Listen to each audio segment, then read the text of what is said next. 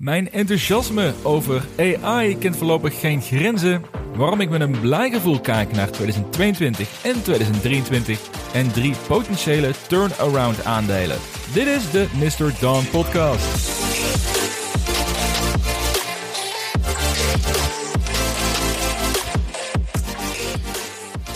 Welkom bij de Mr. Dan Podcast, jouw wekelijkse portie inspiratie over beleggen in innovatieve groeiaandelen.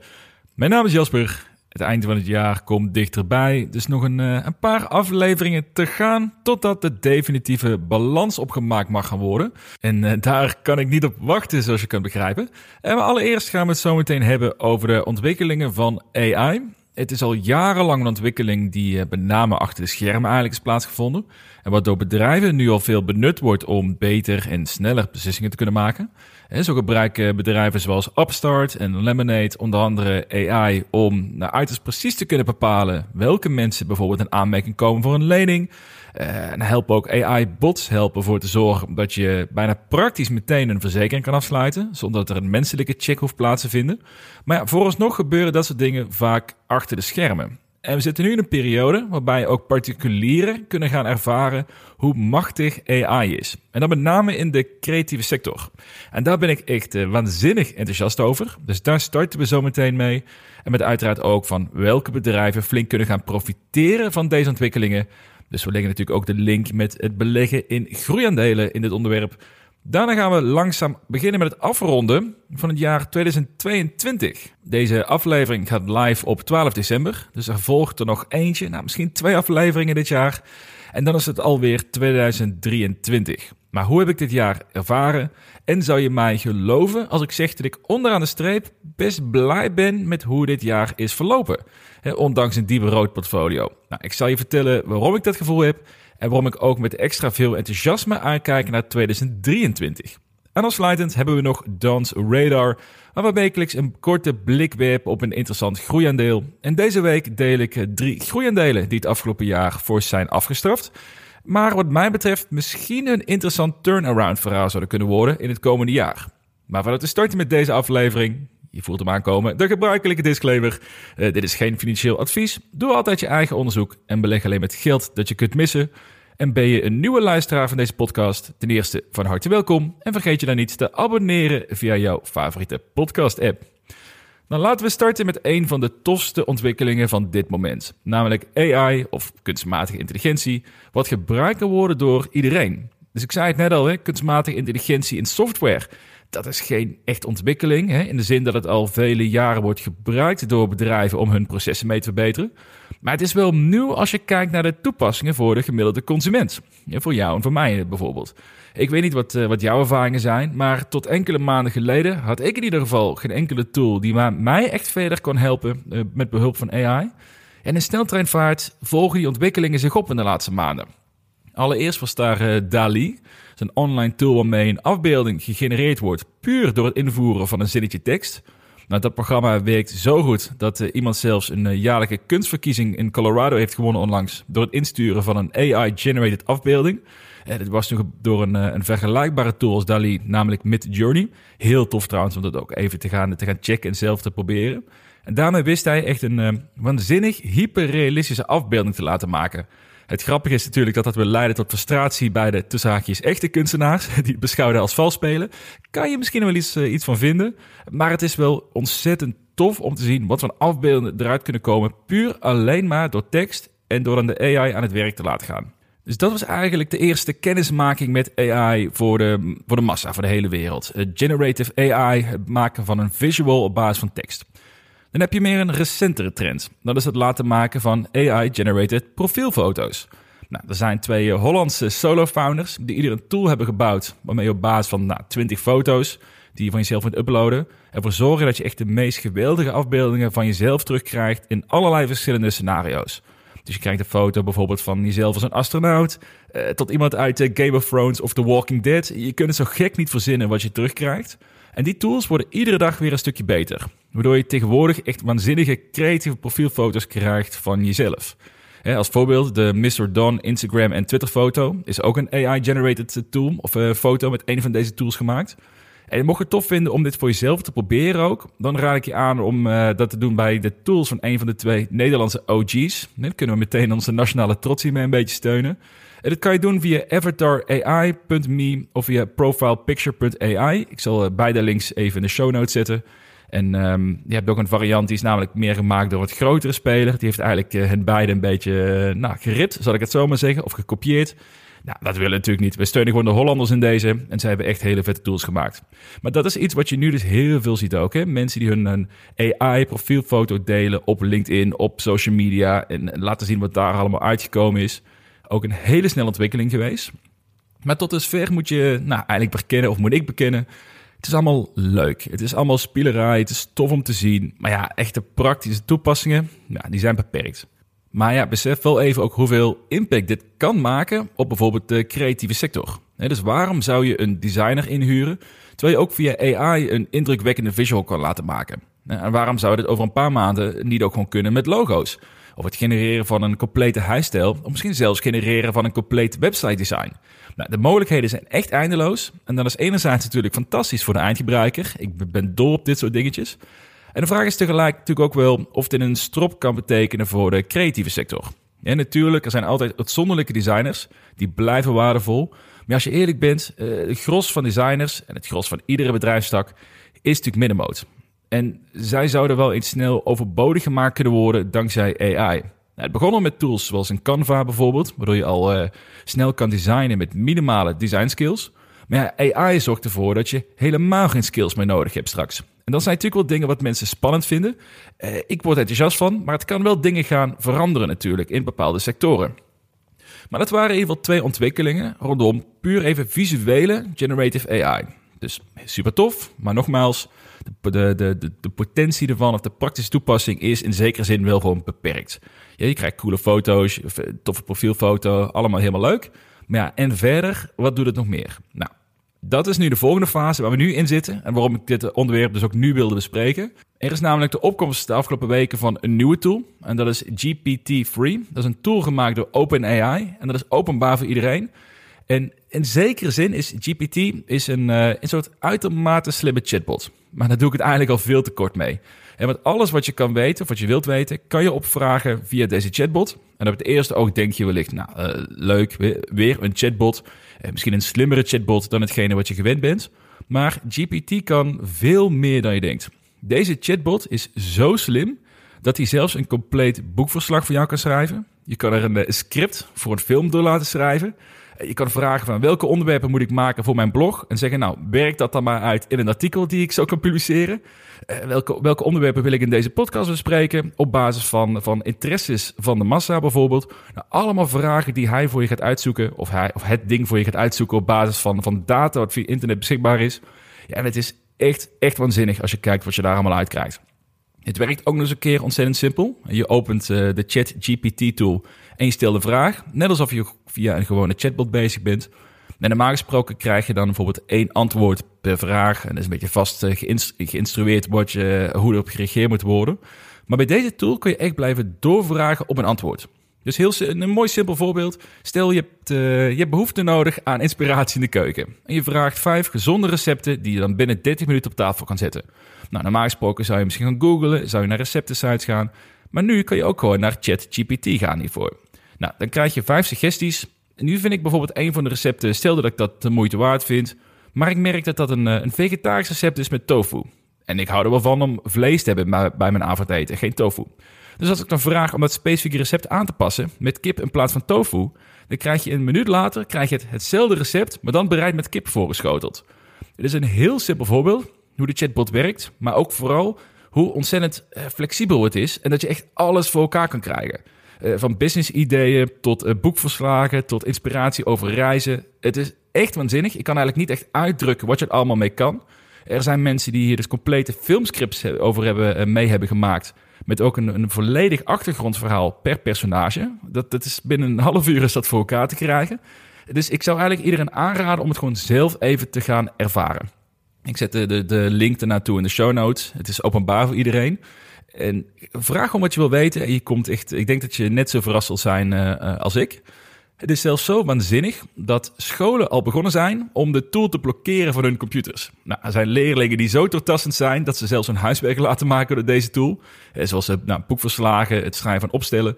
En natuurlijk is het verbieden van deze tool op het netwerk van een school is natuurlijk een wassenneus. Eh, want scholieren zetten de wifi aan op een laptop en het probleem is opgelost.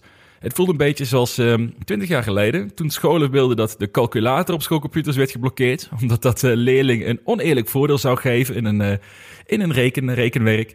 Maar ja, ik denk juist dat je het andersom moet willen bekijken. Hoe kan een tool zoals ChatGPT ervoor zorgen dat je nog meer haalt uit je kennis?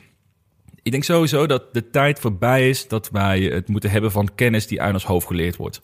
En dankzij de smartphone is er gewoon nul urgentie meer om nou, voorheen genoemde basiskennis, zoals bijvoorbeeld de topografie, om daar dat helemaal uit je hoofd te leren. Want binnen vijf seconden weet je exact over de hele wereld waar steden te vinden zijn, hoe je daar moet komen, hoe de, hoe de stad werkt.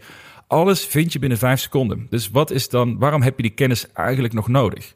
En het voelt misschien een beetje gek voor diegenen die hier, eh, hier opgegroeid bij zijn en ook waarde hechten aan die basiskennis.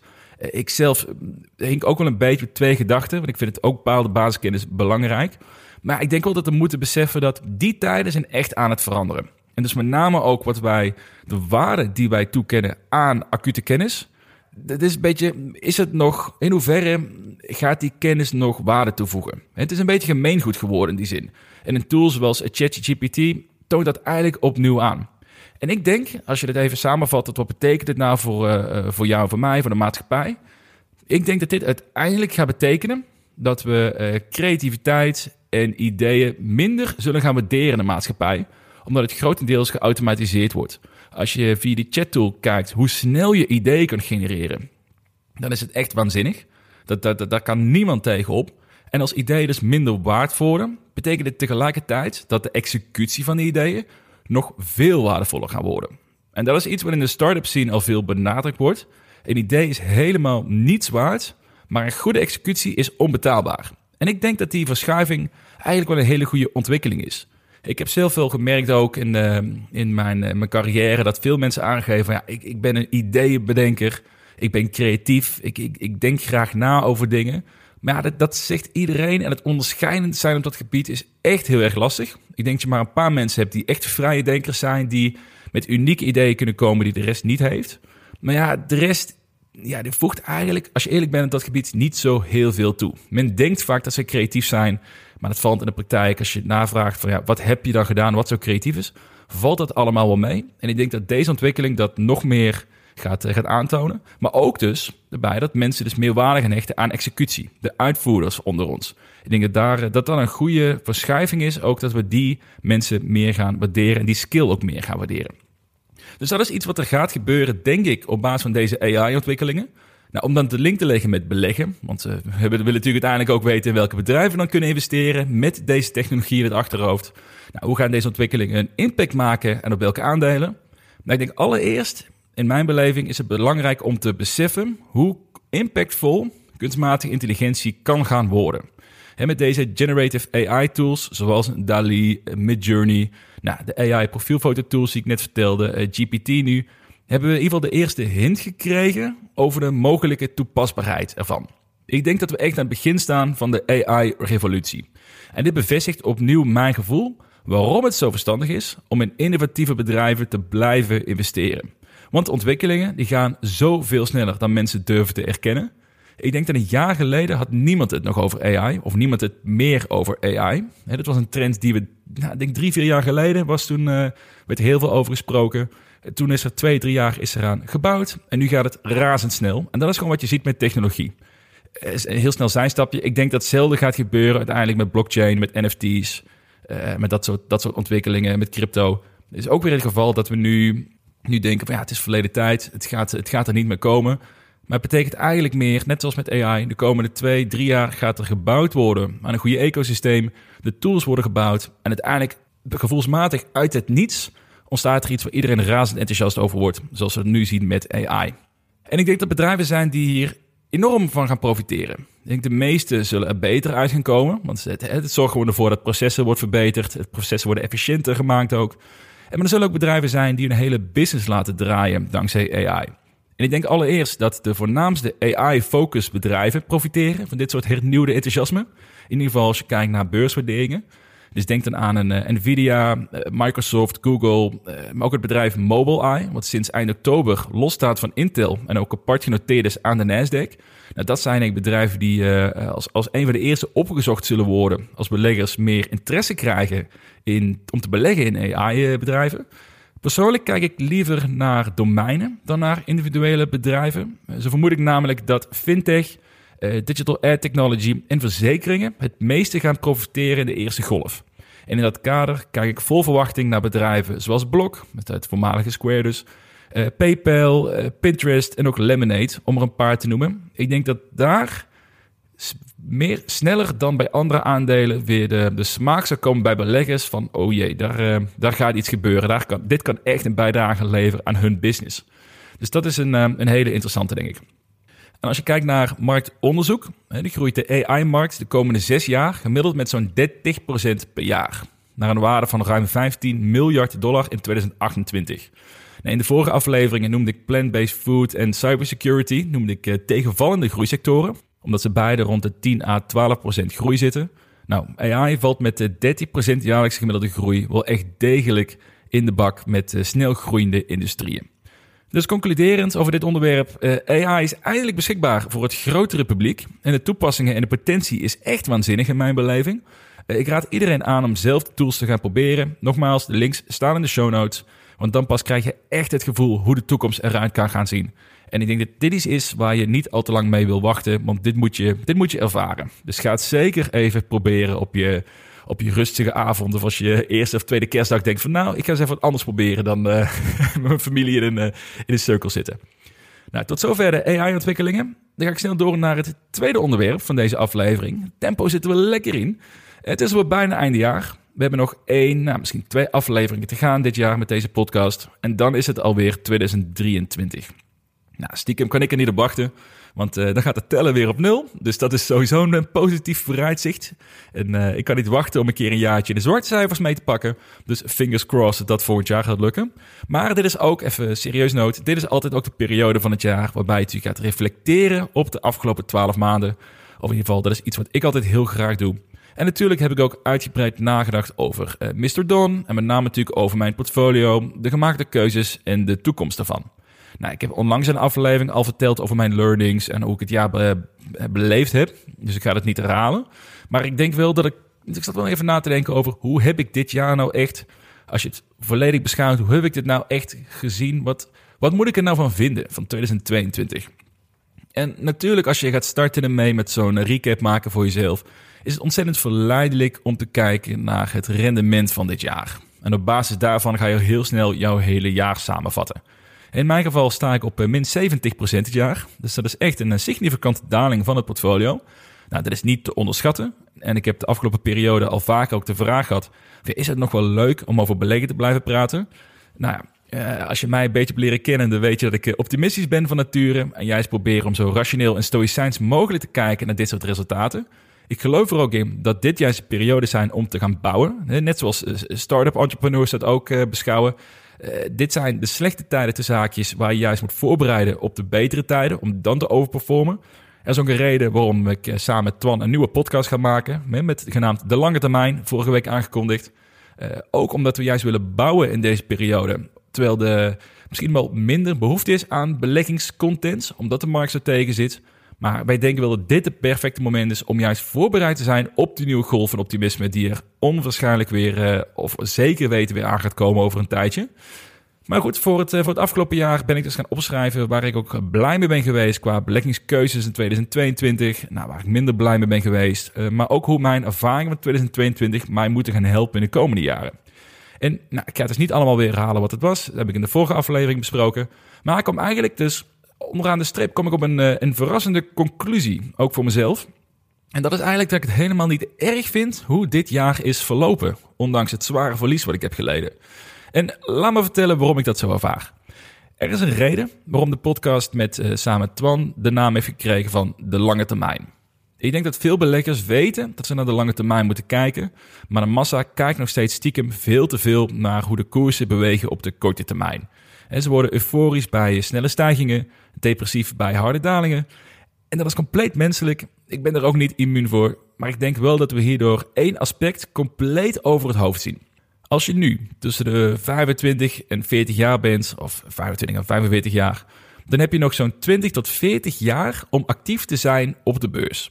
Ervan uitgaande dat het gros van de beleggers richting hun 65 jaar langzaam gaan afbouwen naar cash of meer solide investeringen richting hun pensioen. Dus als je nu één slecht jaar hebt, dan is dat slechts 2,5 tot 5 procent van jouw complete tijdshorizon. En dat is echt helemaal niks. Maar het voelt alsof het een lange periode was, het jaar 2022, of het afgelopen twee jaar in dat geval zelfs. Mijn advies is eigenlijk, als 2022 voor jou financieel gezien een klote jaar was, dan heb je eigenlijk nog steeds nul reden om je zorgen te maken, want je hebt nog zo'n lange periode te gaan. En ik denk dat dat veel belangrijker is in deze fase, is dat je de lessen van het afgelopen jaar, van dit jaar, dat je, die, dat je daar iets van leert. Dat je het uh, ervaringen opschrijft, dat je de lessen die je hebt geleerd ook, dat je daar daadwerkelijk iets mee gaat doen. Dus als je één ding doet voor einde jaar, dan is het niet per se opschrijven hoeveel rendement of hoeveel uh, verlies je hebt gemaakt. Maar schrijf nou jouw vijf belangrijkste learnings van dit jaar op. En wat is jouw doelstelling over de komende vijf jaar? Welke aandelen heb je nu het meeste vertrouwen in en waarom? Nou, schrijf dat op één A4'tje. Maak jezelf niet te moeilijk. Gewoon één A4'tje. Uh, hang die aan je, aan, de, aan die muur. Zet die op de desktop van je computer. En wat mij betreft print je het uit. Uh, zorg ervoor dat je het ergens jouw gedachten opschrijft en later terug kan lezen. Als je dat doet en je neemt je eigen learning serieus voor de komende jaren, dan is het echt geen probleem om een slecht jaar te hebben. Als je dat niet doet, daarentegen, en je maakt dezelfde fouten van het afgelopen jaar, maak je opnieuw in de komende vijf jaar, ja, dan maakt jezelf natuurlijk wel heel erg lastig om hier onderaan de streep positief uit te gaan komen. En dan heb je wel gewoon een, een permanent verlies geleden, in de zin dat je er ook helemaal niks hebt uitgehaald. Je kunt nog steeds nu geld verliezen, tijdelijk geld verliezen op de beurs. Maar je kan in ieder geval zien als een investering als je iets doet met die learnings. Als je iets doet met die kennis die je hebt opgedaan. Dus heb ik de afgelopen week heb ik veel verslagen gelezen van institutionele investeerders en VC's. En dan niet de verslagen van bijvoorbeeld een Morgan Stanley of een andere grote bank. Want ze hebben toch vaak een, eh, een verborgen agenda. Maar bijvoorbeeld wel verslagen van bijvoorbeeld een Lux Capital. Dat is een fonds die zich richt op investeren in innovatie. Ze waren onder andere een early investor, nog voordat ze naar de beurs gingen, in Desktop Metal en een Planet Labs. Ook twee aandelen die ik uh, vrij hoog op zitten. En dit zijn gewoon hele slimme gasten die dagelijks op hoog niveau doen, maar ik zelf ook op hoop te kunnen doen ooit. En jij misschien ook wel, door vroegtijdig te investeren in kansrijke innovaties. En een van hun conclusies in het rapport dat zij afgelopen dagen, een paar dagen geleden hebben, uh, hebben gepubliceerd, is dat er inmiddels een extreme chaos en extreme onzekerheid is. En mogelijk nog wel meer gaat komen de komende periode. Maar dat dit ook tegelijkertijd extreme kansen met zich meebrengt. We zitten in een fase met uitbundig negatief nieuws en sporadisch goed nieuws. En uiteindelijk is menselijk gedrag volledig voorspelbaar. En we gaan van extreem optimistisch naar een beetje angstig terughoudend. Uiteindelijk worden we extreem negatief. En uiteindelijk, als de komende weer signalen en we worden allemaal weer greedy, we worden weer extreem positief. Het is gewoon een flow hoe de mens werkt. En de zaak is nu om objectief te herkennen in welke emotionele staat de massa nu is. En op basis daarvan de juiste beslissingen te maken. En zij hebben nu de keuze gemaakt om sterk te blijven investeren in innovatie, maar wel kritisch te kijken naar de cashpositie van bedrijven, omdat het negatieve sentiment nog wel een tijdje kan aanhouden. Nou, dit soort analyses zijn ontzettend waardevol om te lezen. Met name ook het besef dat extreme situaties ook zorgen voor extreme kansen. Als voorbeeld, als ik mijn huidige portfolio anderhalf jaar geleden had moeten kopen, had mij dat nu meer dan 1 miljoen euro gekost. Nu krijg ik dezelfde hoeveelheid aandelen voor een fractie van dat bedrag. Het betekent niet dat dit portfolio sowieso ooit weer 1 miljoen euro waard wordt. Of dat het intrinsiek ooit 1 miljoen waard is geweest. Maar dat is natuurlijk echt onmogelijk om vast te stellen.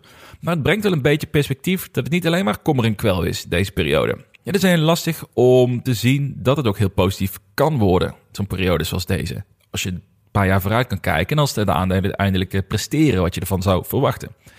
Dus waarom ben ik dan blij met 2022? Nou, allereerst dat ik ontzettend veel geleerd heb van het bizarre jaar. Ik denk dat uh, de meeste luisteraars dat ook kunnen bevestigen. Ik denk dat heel veel mensen veel geleerd hebben van, van dit jaar. Dat dingen zijn gebeurd op de beurs die we echt niet hadden verwacht met elkaar.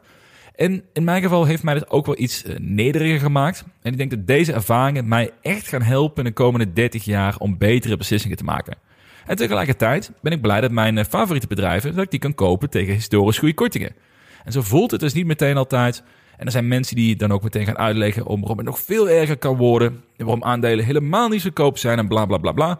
Maar uh, dat is voor ieder zijn eigen rekening. En daarbij heb ik het geluk ook dat mijn start-up investeringen het uitstekend gedaan hebben dit jaar. Waardoor het netto vermogen in die investeringen inmiddels zelfs hoger is dan mijn aandelenportfolio. Nou, dat zorgt ervoor dat ik onderaan de streep als je kijkt naar het totale persoonlijke nettowaarde, nou, niet 70% daal vanwege de aandelen, maar misschien slechts 10% nettowaarde ben gedaald dit jaar. Ja, dat is iets wat echt wel te leien valt. En het voelt toch weer een stukje positiever dan alleen maar de aandelenportfolio. Uh, maar die balans ga ik binnenkort opmaken om te zien waar het, het jaar is geëindigd. En als we dan kijken naar 2023, wat is daar van mijn verwachting? Ik denk dat we moeten erkennen dat er opnieuw een lastig jaar mogelijk is. En macro-economisch blijft dit gewoon onzeker. Met de oorlog in Oekraïne waar nog geen einde aan lijkt te komen. Inflatie die historisch hoog blijft. En ook de Amerikaanse Fed die ook nog eens een keer bijzonder agressief lijkt te blijven in hun beleid. En dat is iets waar de meesten niet op leken te rekenen. En dat zal zeker ook impact kunnen maken op het herstel van de beurs in 2023. Dus het is niet allemaal uh, roze geur en maneschijn, verre van. Ik denk ook niet dat meteen 2023 het, uh, mijn hele verlies van het afgelopen jaar gaat goedmaken. Dat, uh, daar geloof ik trouwens zeker niet in. Maar desalniettemin denk ik wel dat er kansen liggen. De verwachtingen zijn inmiddels zo bovenmatig negatief dat één positieve meevaller al kan zorgen voor een flinke rally. Nou, we hebben dat laatst meegemaakt toen de Nasdaq op één dag met ruim 7% steeg, nadat de inflatiecijfers iets beter waren dan verwacht, of iets minder slecht dan verwacht. Misschien moet je eigenlijk zo stellen. En tegelijkertijd zijn ook groeiendelen gedurende dit jaar fors aantrekkelijker geworden, waardoor het verwachte rendement fors hoger is geworden. En je ziet dat uh, beleggers nog steeds sterk twijfelen over groeiendelen. En vandaar dat veel aandelen in die categorie nog steeds redelijk aan de onderkant staan van een uh, afgelopen 52 wekelijkse range. Maar persoonlijk blijf ik optimistisch over de huidige snelheid van innovaties.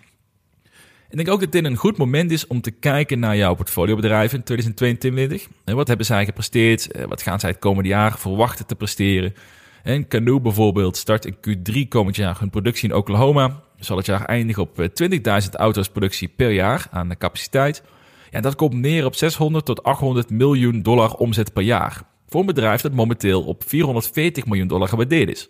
En ook eens een keer een pipeline heeft van 2 miljard dollar aan huidige orders. Waardoor je wel mag stellen dat uh, de vraag het aanbod sterk zal overstijgen de komende twee jaar. Dus, als Canoe dit fixt, ja, dan gaat de waardering in 2023 sowieso fors stijgen ten opzichte van waar ze nu staan. Dat, is, dat mag je wel verwachten als ze uiteindelijk dus leveren wat men nu verwacht dat ze gaan leveren. Dat is natuurlijk nog niet een, niet een garantie, maar het geeft wel perspectief. Hetzelfde geldt bijvoorbeeld voor een Desktop Metal, die in 2023 EBITDA break-even verwachten te draaien. Je hebt een ASD Space Mobile en een Origin Materials die in 2023 hun eerste omzet gaan maken. En je hebt een Coinbase die mogelijk kan profiteren van het FTX-fiasco en de sterke regulering die eruit komt, omdat zij als een van de weinige crypto-exchanges wel al voldoen aan al die regelgeving. Oftewel, het kan een heel leuk en uh, ontzettend goed jaar worden, maar je blijft natuurlijk afhankelijk van heel veel factoren. En nogmaals, als nou 2023 ook geen goed jaar wordt, nou ja, dan heb ik nog steeds, uh, wat is het, uh, 38 jaar te gaan, denk ik, voordat ik uh, moet kappen met beleggen of uh, langzaam mag gaan afbouwen. Dus ook dan zou nog steeds geen groot probleem zijn, mocht dat gaan komen. Dus uh, om een oud woord te gebruiken, no ik denk niet dat mensen dat tegenwoordig nog gebruiken trouwens, het woord. Maar afsluitend denk ik wel, het, het, zwaard van Damocles hangt natuurlijk wel continu boven de markt. En dat is het feit dat we ja, toch net tien jaar hebben gehad met historisch lage rentes. Waardoor de groeiendelen ook alle ruimte hebben gekregen om geweldig te presteren. Ja, dat lijkt niet houdbaar in de komende tien jaar. Dus hoe groeiendelen dan gaan presteren in deze nieuwe situatie, dat is echt een groot vraagteken. Maar onderaan de streep geloof ik erin dat sterk presterende, groeiende en winstgevende bedrijven, dat die altijd op waarde zullen worden geschat. Alright, tot zover mijn opbeurende woorden over 2022 en 2023. We hebben daarvoor al gesproken over de opkomst van AI. Dus dan is het nu tijd voor het laatste onderdeel van deze aflevering. En dat is het traditionele Dance Radar. Met deze week niet één aandeel in de spotlight, maar wel een snelle blik op drie aandelen die een uh, langere tijd behoorden tot de absolute liefhebbers binnen hun categorie, maar het afgelopen jaar hun glans iets verloren te lijken te zijn. Maar naar mijn idee zouden dit wel eens drie potentiële turnarounds kunnen worden, die uh, misschien nog wel eens zullen kunnen gaan verrassen in 2023. Hierbij wil ik wel zeggen dat de koersen niet voor niks flink zijn gedaald. Uh, sommige gewoon door matige executie, uh, andere omdat ze simpelweg uh, te hoog gewaardeerd waren. Maar het zijn wel aandelen die mij interesseren. Die, die ik in ieder geval met een zijdelings oogje in de gaten hou wat ze allemaal aan het uitspoken zijn. Nou, om meteen uh, te starten ermee met het eerste aandeel op de lijst. Dat is de Luxemburgse EV-startup Arrival. Zij maken elektrische stadsbussen en bestelbusjes. En voor een langere tijd werden zij gezien als een van de meest kansrijke EV-startups die via een spec naar de beurs kwamen. Het bedrijf was zelfs tijdelijk gewaardeerd op zo'n 20 miljard dollar, meer dan uh, Lucid Motors tegenwoordig is. Uh, maar ze hebben eigenlijk nooit echt een hoge verwachting kunnen inlossen. Ze hadden een mega microfabriekplan in Engeland, maar dat is nooit operationeel geworden. ze hebben het nooit kunnen fixen eigenlijk. De kosten bleven stijgen, omzet bleef uit. Nou, onlangs is ook de CEO en de Chief Strategy Designer vertrokken bij het bedrijf. En er is ook een waarschuwing uitgegeven dat ze in geldnood zijn gekomen. Dus nou, deze negativiteit valt ook te merken bij de waardering van het bedrijf. De market cap is momenteel slechts 171 miljoen. Dus was eerst 20 miljard. Kun je nagaan hoe zwaar dit gedaald is. Waarvan ze ook nog zo'n 145 miljoen aan cash beschikbaar hebben. Dus dat zorgt ervoor dat je eigenlijk de aandelen in het bedrijf praktisch tegen de waarde van hun cash assets kan kopen. Het risico van een faillissement is wel echt realistisch in deze. Want hun cashpositie is onvoldoende om nog één kwartaal de kosten te dragen. Ze zullen ergens kapitaal vandaan moeten halen. Ja, en dat gaat ontzettend lastig worden met zo'n lage waardering. Oftewel, er is een serieus risico op een faillissement. Er zijn wel twee kleine kansen om op te speculeren. Uh, enerzijds een overname door een partij die graag hun intellectueel eigendom overneemt, hun IP. Maar dat zal waarschijnlijk niet voor de hoofdprijs gaan gebeuren. Maar het kan er wel om zorgen dat je misschien een, eh, een hele snelle 50, 60 procent kan pakken. Maar de vraag is wel of dat het risico waard is om je geld volledig kwijt te raken. Uh, andere kans is dat er een strategische investeerder komt, waardoor Arrival meer, meer lucht gaat krijgen. Maar onderaan de streep misschien is dit wel eerder een, een korte termijn speculatieve trade dan een lange termijn investering. Maar het is wel een aandeel die ik vanuit interesse in de gaten blijf houden. En als ze goed nieuws krijgen, kan het natuurlijk wel heel snel gaan. Want de waardering is, is, nou, het is gewoon gewaardeerd op een, een aanstaand faillissement. Ik denk wel dat Arrival de meest speculatieve kans is op deze lijst. Uh, want de volgende twee aandelen bieden in mijn ogen wel meer een lange termijn perspectief.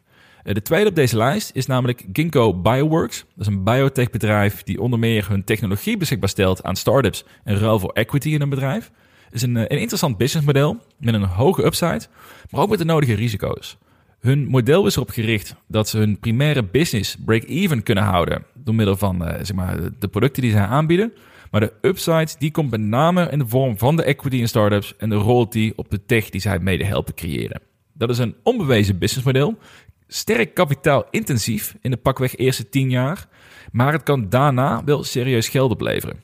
Er is alleen dus weinig vergelijkingsmateriaal. En tegelijkertijd is biotech echt een hele specifieke sector. Dit is een van de weinige sectoren waar ik mijn vingers niet aan durf te branden. Puur omdat ik geen onderscheid kan maken tussen een goed en een slecht geleid biotechbedrijf. En toch zijn er een paar positieve ontwikkelingen. Dus in het afgelopen jaar hebben ze Z-Merchant overgenomen. Er is ook een partnership met Bayer gesloten. En als je kijkt naar hun market cap, zo'n 3,5 miljard dollar op dit moment. Daarvan is zo'n 1,3 miljard hebben zij in cash op hun balans staan. Nou, ik moet zeggen, dat lijkt misschien als een mooi appeltje voor de dorst. Maar het bedrijf maakte in de afgelopen 12 maanden wel een verlies van 3,6 miljard dollar. Dus ook hier ligt een serieus risico van verwatering van een aandelen op de loer. En in het slechtste geval ook een faillissement. Nou, dat risico is wel minder hoog dan bij Arrival, omdat ze ook veel meer uh, assets waarde hebben in het bedrijf. Maar voor beleggers die graag in biotech investeren, kan Ginkgo wel eens een, uh, een interessante potentiële turnaround story zijn. Het laatste aandeel op deze lijst, dat is Joby, het elektrische verticaal opstijgende vliegtuig. Hierover heb ik in een aflevering in augustus al een keer iets verteld, als een van de vijf potentieel world-changing aandelen.